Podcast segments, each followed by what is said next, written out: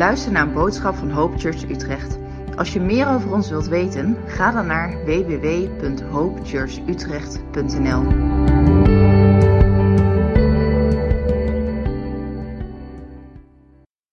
En het verhaal staat in Lucas 7, vers 36 tot 50. Dus je kan meelezen, maar ik ga hem vertellen. Het is een iets te lang verhaal. En daarnaast heb ik ook daarvan geleerd, ik wil ook vaker verhalen vertellen. Dus ik ga mijn best doen.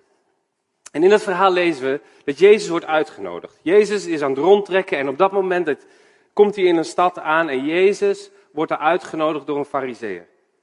En die fariseer, Simon, die zegt, wil je bij mij komen eten? En Jezus gaat in op die uitnodiging. Het is sowieso fascinerend om te zien hoe vaak Jezus at en dronk. Gewoon een kleine side tip. Ik denk dat, dat maaltijden, dat dat iets is van rondom de maaltijd, dat daar iets gebeurt. En Jezus lag daar aan tafel, want in die tijd zaten ze niet, maar lagen ze aan tafel. En zoals het ook gebruikelijk was in die tijd, was het niet een hele exclusieve gebeurtenis dat, hé, hey, ik heb gasten, de deur is dicht en niemand komt erbij. In die tijd, wat er gebeurde, is dat als er een gast in je huis kwam, dan stonden de deuren alsnog open en de buren en alles stonden er waarschijnlijk gewoon omheen te kijken naar hoe de gast aan het eten was samen met zijn gastheer. En zo stond er ook één vrouw. En die vrouw die kwam naar binnen. En die liep naar de voeten van Jezus. En daar aan de voeten van Jezus begint ze te huilen. En met haar tranen maakt ze de voeten van Jezus nat. En met haar haren, die ze dan daar overheen doet, met haar haren droogt ze de voeten van Jezus. En daarna pakt ze een kruikje die ze had meegenomen. En ze eh, doet die, hele dure olie doet ze over de voeten van Jezus. Het moet, een, het moet een indrukwekkend iets zijn geweest, want ik denk dat iedereen stil viel aan die maaltijd. Terwijl dat gebeurde. Ook Simon wordt stil, Simon de Fariseer. Hij is de gastheer. En hij denkt bij zichzelf. Nee, dat dacht hij niet.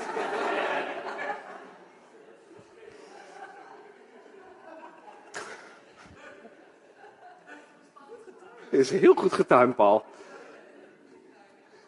En Simon, de fariseer, die dacht bij zichzelf. Als Jezus toch eens wist wat deze vrouw gedaan had. Als Jezus nou werkelijk een profeet zou zijn, dan zou hij weten dat deze vrouw de grootste zondares is van het dorp. En Jezus kijkt op. Jezus kijkt op en hij kijkt de fariseeën aan. En hij zegt, Simon, ik, heb iets, ik wil je wat vertellen. En Simon zegt, oké, zeg het maar. Wat hebt u te vertellen? En Jezus zegt tegen, tegen Simon, er was dus een schuld, uh, een schuld uh, hoe heet dat, een um, schuldeiser. Ja, iemand die, uh, die dus iets dingen uitleende. Deze schuldeiser, ja, en twee mensen hadden een schuld bij hem. De ene had een schuld van 500 denari en die andere had een schuld van 50 denari. Omgerekend is dat de ene had een schuld van 5000 euro en de andere had een schuld van 50.000 euro. Allebei konden ze het niet terugbetalen. Allebei stonden ze in de schuld. En die schuldeiser zei, weet je wat, ik vergeef, ik, ik, ik, scheld de schuld kwijt. Ik scheld je de 500 kwijt, ik scheld je de, 500, uh, de 50.000 kwijt. Simon, wie van deze personen is het meest dankbaar en betoont het meeste liefde? Simon antwoordt, nou diegene met de grote schuld, denk ik. En Jezus zegt, goed geantwoord. Goed geantwoord heb jij. Simon, ik kwam hier het huis binnen. En jij hebt mij geen water gegeven om mijn voeten te wassen. Deze vrouw met haar tranen heeft mijn voeten gewassen. Jij hebt me geen olie gegeven om op mijn hoofd te doen om te zalven. En deze vrouw brak het olie en heeft mijn voeten gezalfd met olie. Deze vrouw haar zonden zijn haar vergeven, want zij heeft veel liefde gegeven. Wie veel, liefde geeft, wordt veel vergeven, maar wie weinig wordt vergeven, betoont ook weinig liefde. En dan zegt Jezus tegen die vrouw, uw geloof heeft u gered. Ga heen in vrede. Het is een typisch stukje dit. Het is best wel een confronterend stuk, denk ik, want hij is niet zo heel moeilijk om te interpreteren. Deze, dit Bijbelverhaal wat hier verteld wordt, staat in alle drie de evangeliën. Hij lijkt wel trouwens overigens, dit is ook een van de interessante stukken waar je theologisch gezien je op stuk kan bijten. Want in de andere evangelie lijkt hij op een andere plek te staan. Lijkt hij ook, uh, de details zijn wat anders. Dit is wel de enige waarin deze vergelijking, waarin deze gelijkenis eraan gekoppeld wordt. En voor vanochtend denk ik dat het goed is om te bedenken hoe dat nou precies zit. Of het nou over dezelfde gelijkenis gaat in alle evangelie, of dat dit toch een andere is, wil ik even terzijde schuiven. Want het allerbelangrijkste is, is denk ik dat wij hierin Jezus gaan horen spreken tot ons. Ik denk dat we op moeten passen dat we niet door de bomen het bos niet meer zien, of eigenlijk gewoon door de verhalen heen, dat we Jezus helemaal gaan missen. Ik denk dat Jezus vanochtend door deze gelijkenis iets tot jou en mij te vertellen heeft. Weet je, het is als we naar een andere cultuur gaan, naar een andere plek gaan, of als je in een andere taal moet spreken, weet je wat het grote voordeel is?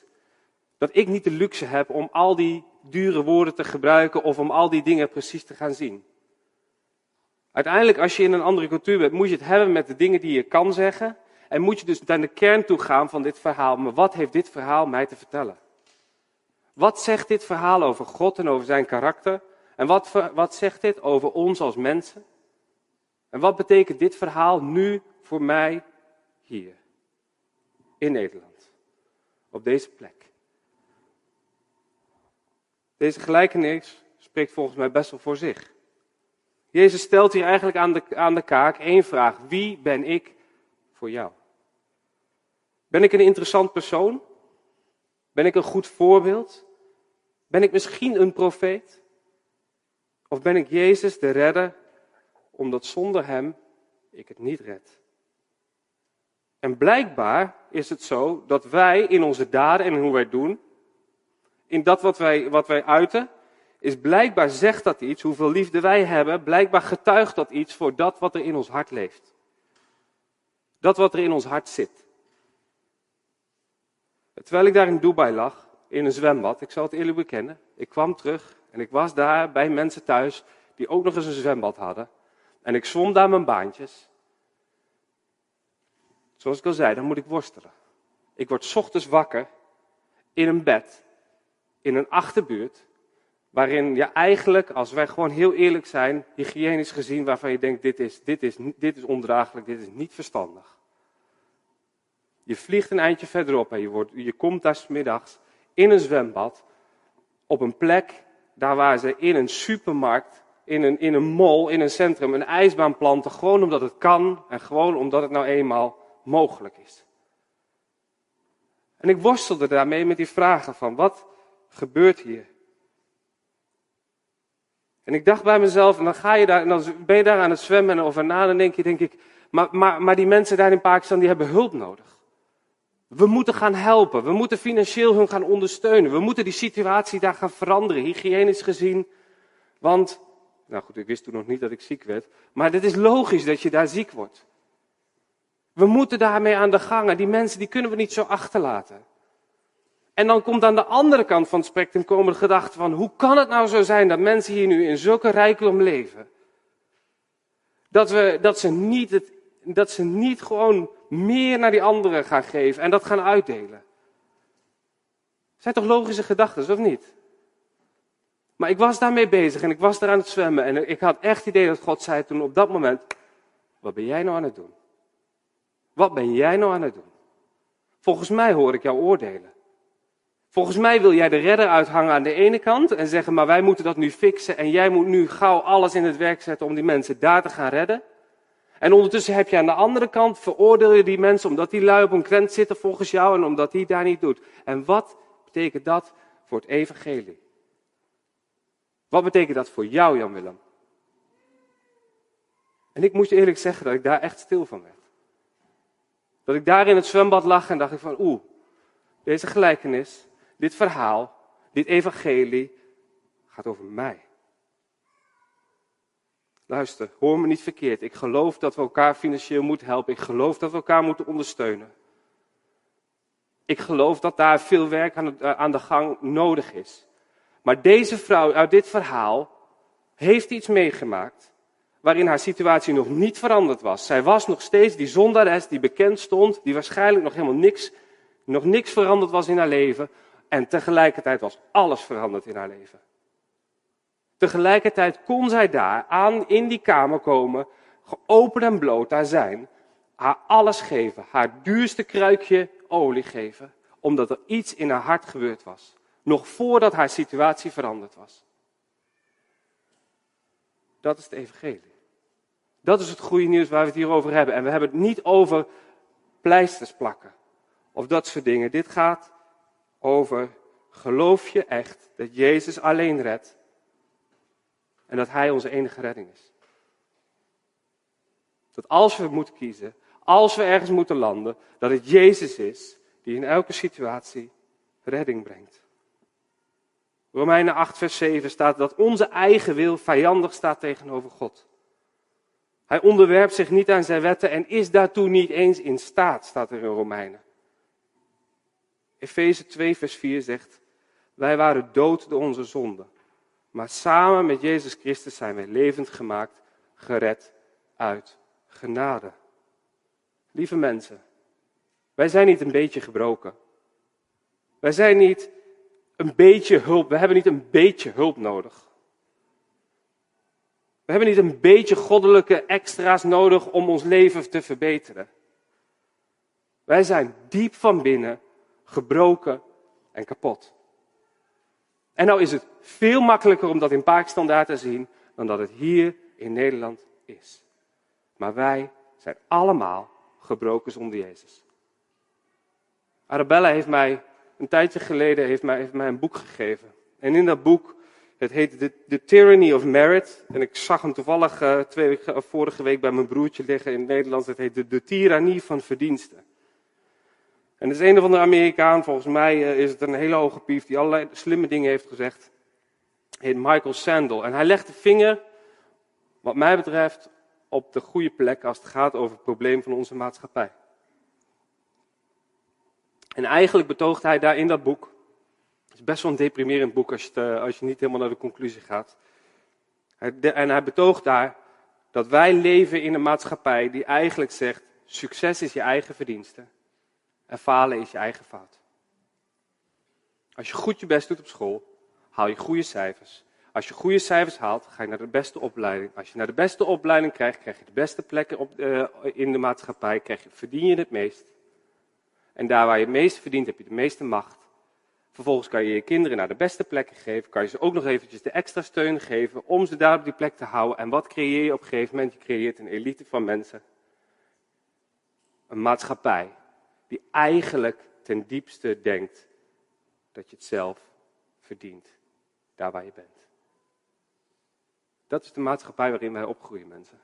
Dat is de leugen die wij heel hard moeten doorzien, maar die doorcijpelt op zulke subtiele manieren dat we bijna niet meer weten, maar eigenlijk stiekem denken wij allemaal dat we toch een beetje beter zijn en dat we het zelf wel verdienen. En wat je creëert daarmee is een monster. Namelijk dat de toplaag denkt dat hij beter is als waarschijnlijk een steeds groter wordende andere gedeelte. Vind je het gek dat daar woede ontstaat? Vind je het gek dat het onrust gaat veroorzaken als er eigenlijk op neergekeken wordt als je maar niet je kansen pakt? Als je het nou toch niet goed doet. En zo vaak wordt het niet hardop gezegd, hè? maar tegelijkertijd, als je heel eerlijk bent, ik lag daar in het zwembad, denk ik dat stiekem toch ook. Als ik het toch maar even, als we daar toch maar, dan zou dat wel. Het is een confronterende gedachte, mensen. Het is een confronterende gedachte aangezien wij hier nu, op dit moment, in een land leven die aan de top staat van de wereld. Een confronterende gedachte omdat wij niet alleen in de top staan van de land. Ik denk dat wij, als we dan toch eventjes nog meer eerlijk mogen zijn, hier om ons heen kijkend, ook nog eens de top, op zijn minst de middelklas, en daarboven vertegenwoordigen. En iedereen moet daarmee dealen. Ik denk dat we daarin eerlijk moeten zijn. Dat wij ongetwijfeld zelf dus een gedeelte van dat soort dingen aan het geloven zijn. Of daar in ieder geval uit werken. Waarom is het zo dat ik mij vaak niet zo schuldig voel, of op zijn minst 500 schuldig voel, maar bijna nooit de 5000? Of de 50.000 moet ik zeggen. Waarom is dat zo? En ik denk mensen dat het uitmaakt dat we hierover nadenken. Omdat, omdat het fundamenteel gaat over dat wat er in ons hart zit. Ook en misschien is dat wel misschien nog wel een belangrijke, ook omdat als het minder gaat. En als wij geconfronteerd worden met ons menselijk falen of met de gebreken, dan loop je er tegenaan en uiteindelijk is dat, wat zit er ten diepste in jouw hart en wat geloof je? Geloof je dat je het zelf kan fixen? Of weten wij diep van binnen dat wij Jezus nodig hebben? En mensen, dit doet ertoe, want vroeg of laat komen we ermee in aanraking, want wij zijn sterfelijk en wij leven in een gebroken wereld. En ik zal je daarin gewoon nu ook eerlijk zeggen, van de week, ik, ik ging bij Jan langs, dan moet je daar wat mee. Want ik kan wel zeggen en ik kan bidden en ik kan geloven, maar ten diepste is uiteindelijk bottom line is dat ik gewoon me moet overgeven dat ik geloof dat God kan redden, ook al zie ik daar een man alleen maar achteruit gaan. En dan heb ik geen woorden meer. Dan kan je niet meer, dan kan je er niet meer mee wegkomen dat, oh, we gaan ons best doen en bla bla bla. En ik ga, nee, uiteindelijk moet ik geloven dat Jan in Gods handen is. En dat Jezus kan redden. En dat Hij hem beter kan maken. Als ik niet op dat punt kom, dan kom ik er uiteindelijk vroeg of laat op de kwade manier achter dat het gaat over wat zit er in jouw hart. Is het genade of is het toch zelf verdienen? Ik denk dat het alleen daarom al stel ik voor, al, al, zou het alleen maar daarom gaan, ga alsjeblieft naar de andere kant van de wereld en ga daar zitten een week lang aan de, en leef het leven. Want je zult merken dat je geraakt wordt en dat je denkt, oeps, als ik hier geboren was, dan zou mijn leven er heel anders uitzien. Maar het evangelie is niet anders. Het evangelie daar is precies hetzelfde als hier. En als wij hier bidden en wij zijn dankbaar voor dat wat God ons doet, is het daar ook zo. Ook al verandert die situatie soms misschien niet of bijna niet. Maar God is hetzelfde. Ik wil twee dingen uit dit verhaal halen. Eerste, die vrouw en Simeon hadden allebei hetzelfde evangelie gehoord. Deze vrouw had Jezus horen spreken hierover. Simon, Simon ook, Simon de Fariseer. De reden dat Jezus daar bij Simon in huis was, was omdat Simon had een, iemand gehoord die iets interessants had gezegd. Mogelijk dacht hij, weet je wat, ik wil die persoon wel in huis hebben, want dat komt mij wel goed uit, want dan zien mensen dat ik die leraar toch wel eventjes aan mijn tafel heb zitten. Misschien doen we hem daarmee tekort. Misschien had Simon wel echt oprecht vragen aan Jezus. En wilde hij echt weten, maar hoe werkt dat dan? Weet je, wij kunnen ons niet voorstellen, maar voor Simon, als hij dan straks daar die gedachte heeft van als Jezus toch wist.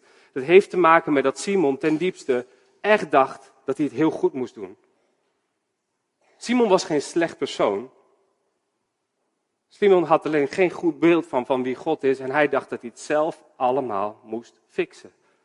Dat hij die tafel rein moest halen, maken en houden. Simon keek naar de buitenkant. Simon keek naar de regels. En wilde in zijn hoofd begrijpen en oordelen of Jezus wel of geen profeet was. En hij was zo daarmee bezig dat hij Jezus over het hoofd zag. Terwijl Jezus daar aan tafel was. Die vrouw had dezelfde boodschap gehoord. Blijkbaar had die boodschap van genade haar zo geraakt dat ze haar duurste olie had meegenomen. Dat, dat, dat wat daar gebeurde was niet per ongeluk. Die vrouw kwam niet per ongeluk binnen en per ongeluk dacht ze, oh nou in een opwelling ga ik daar maar, oh ik word overvallen. Ik ga daar in één keer maar voeten was, oh nee, nou zijn de voeten nat, droog ik het maar een beetje. Oh wacht, ik heb toevallig nog wat olie bij. Die vrouw was geraakt door het evangelie. Die had in haar situatie gehoord dat God uit de hemel was gekomen. Om al was het alleen maar voor haar, haar te redden en haar te zien en te zeggen, als jij in mij gelooft, dan zijn al je schulden vergeven en je bent vrij. En die boodschap had zij niet hier allemaal in, op een rijtje van wat betekent dat voor mij, maar hier ergens in haar hart en in haar ziel gebeurde er iets, waardoor zij niet anders kon dan zeggen, mijn alles geef ik u, want dit is het mooiste wat ik ooit gehoord heb.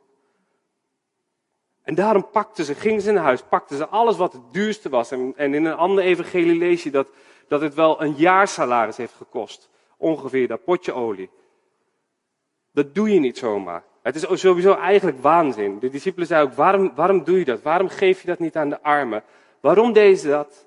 Omdat zij de waarde inzag dat ze zei, maar deze genade wil ik nooit meer kwijt. Dit is wat mijn leven op zijn kop gaat zetten. Dit is wat ik nodig heb. En ze barst daaruit in vreugde. Ik geloof dat die tranen van vreugde waren. Ze zegt, maar Jezus, ik heb u nodig. Ik geef u mijn alles. Ik denk dat het heel goed is om te beseffen dat wij die vraag eigenlijk gewoon zelf zijn. Maar, maar wie zijn wij hier in dit verhaal? Heb je Jezus ooit zo ontmoet? Want mensen, het evangelie en Jezus is hetzelfde. Ik denk echt dat Jezus zo hard op zoek is om vanochtend opnieuw weer te zeggen: luister, ik weet waar jij bent. Ik weet waar jij staat. Maar mijn oog is op jou. Ik hou van jou. Mag ik binnenkomen? Of ga je me op afstand houden? Ga je theologisch over mij alles verzinnen en bla bla bla? Of mag Jezus gewoon vanochtend nu in je hart komen? Het is oké. Ik weet dat je het nog niet hebt uitgedokterd. Ik weet zelfs dat je twijfelt. Ik weet zelfs daar waar je nu bent. Maar zie je mij? En mag ik gewoon bij je komen? Luister, ik geloof dat geloven nooit alleen in het hoofd kan. Ik geloof dat geloof altijd uit, zich uiting geeft. En ik denk dat wat je hier ziet, dit is een typisch iemand die gewoon het daadwerkelijk gesnapt en heeft gezegd, ik geef mijn alles. En dan krijg je dit soort haast dwaze acties. Dat iemand zegt, ik geef alles op. Ik zou alles wel willen geven. Omdat Jezus alles zou geven omdat Jezus de hele wereld over zou reizen, in zijn eentje, alle duurste vluchten en weet ik van wat allemaal gewoon zou doen om jou te vinden. Jezus stierf voor jou. En ik denk dat het ons verhaal ons ongemakkelijk mag maken, omdat we, denk ik, dat we daar naar die plek mogen gaan. Dat als wij daar in die gebrokenheid alles overgeven, dan kan genade ook opeens weer helemaal openbaar worden. Is Jezus voor jou vooral een hulp als het moeilijk is? Een reddingsboei als het onrustig is? Of besef je dat je dood op de oceaan ligt en dat Jezus jou daar vandaan moet redden? En toen ik deze gelijkenis van de week deelde met een van mijn kinderen, zei, zei, uh, was de reactie: Jezus heeft ook altijd zo'n goed verhaal om mensen te dissen. Ik vond het schitterend. Weet je, heb je dat ook niet zo met zo'n gelijkenis? Heb je niet het idee dat Jezus, weet je, die legt alles even stil en die, vertelt dan een verhaal en dat je echt denkt, oeh, ik wou dat ik zo'n goed verhaal op dat moment, om eventjes gewoon te vertellen wat het is. Maar mensen, het tweede punt wat ik hier wil delen, is dat ik geloof dat Jezus geen verhalen vertelt om te dissen. Niet alleen om te dissen. Ik denk dat Jezus echt wel genoot om met een verhaal gewoon even iemand stil te zetten. Maar ik geloof dat Jezus dwars daardoorheen eigenlijk op zoek was naar het hart van Simon. Dat Jezus dwars door de systemen heen, dwars door de culturen heen, wou breken en zeggen, maar ik ben op zoek naar jou. Simon, ik heb je wat te vertellen. Simon, mag ik jou wat vertellen? Weet je mensen, ik denk dat hier ook voor ons weer zo'n belangrijke les in zit. Dat wij zo druk kunnen zijn om het goed te doen. Dat we zo hard ons best doen om alles goed te doen, om allerlei goede gevechten te strijden. En luister, om ons heen worden er momenteel veel gevechten geleefd waarvan we denken, dit is nu zo belangrijk. Maar ik denk dat in dat alles Jezus daar dwars doorheen wil breken en zeggen, luister, noemt je bij je naam. En zegt, ik heb jou wat te vertellen. Ik weet dat je daar aan het strijden bent, ik weet dat je dat, dat soort dingen doet, maar mag ik daar jou even stilzetten en zeggen: Ik heb jou wat te vertellen. Ik heb jou wat te vertellen over genade. Genade heeft ook jou uitgekozen. Genade heeft jou ook op deze plek gezet. Weet je mensen, ik denk dat we daar ook gewoon eerlijk over moeten zijn. Want dit soort, het kan ons gewoon soms verlangen als we discussies hebben. Moet je wel heen daarheen gaan? Moet je wel naar Pakistan gaan? Moet je wel vliegen? Moet je wel en al die dingen die gaan knagen aan je. Ik weet niet hoe jullie daar zijn, maar ik ben daar niet immuun voor. Als ik gewoon dat soort dingen hoor, denk ik, oh, maar mag ik nu nog wel dit doen? Oh, mag ik nu nog wel dat eten? Oh, mag ik nu nog wel zo gaan? En voor je het weet, verlamt het ons allemaal zo dat we in een hoekje gaan zitten en denken, oh, oh, als ik nog straks adem, dan stoot ik nog CO2 uit. Dat moet ik misschien ook maar niet meer doen. Maar is het niet zo dat we af en toe gewoon in die hoek zitten? Dat het ons verlamt, als het ware?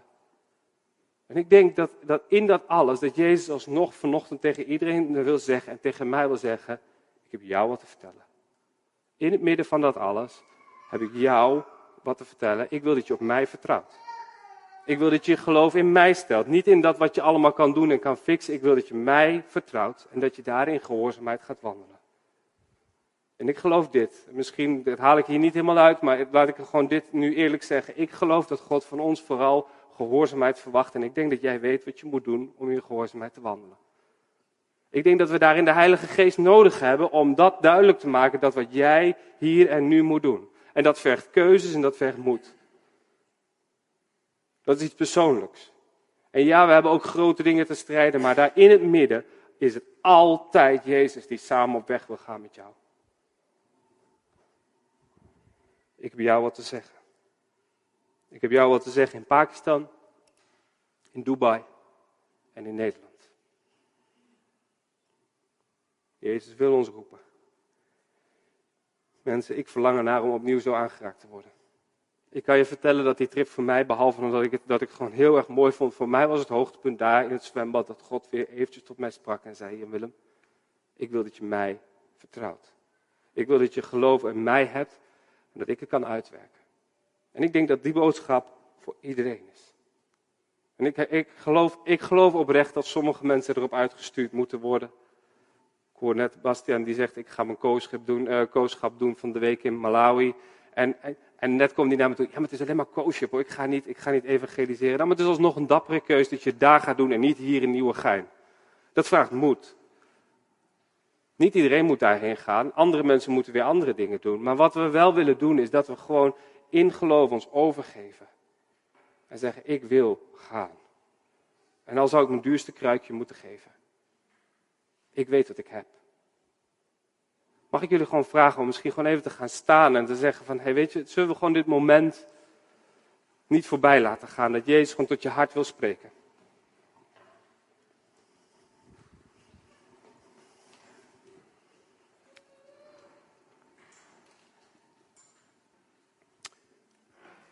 Jezus zei, wie veel liefde geeft, wordt veel vergeven, maar wie weinig wordt vergeven, betoont ook weinig liefde.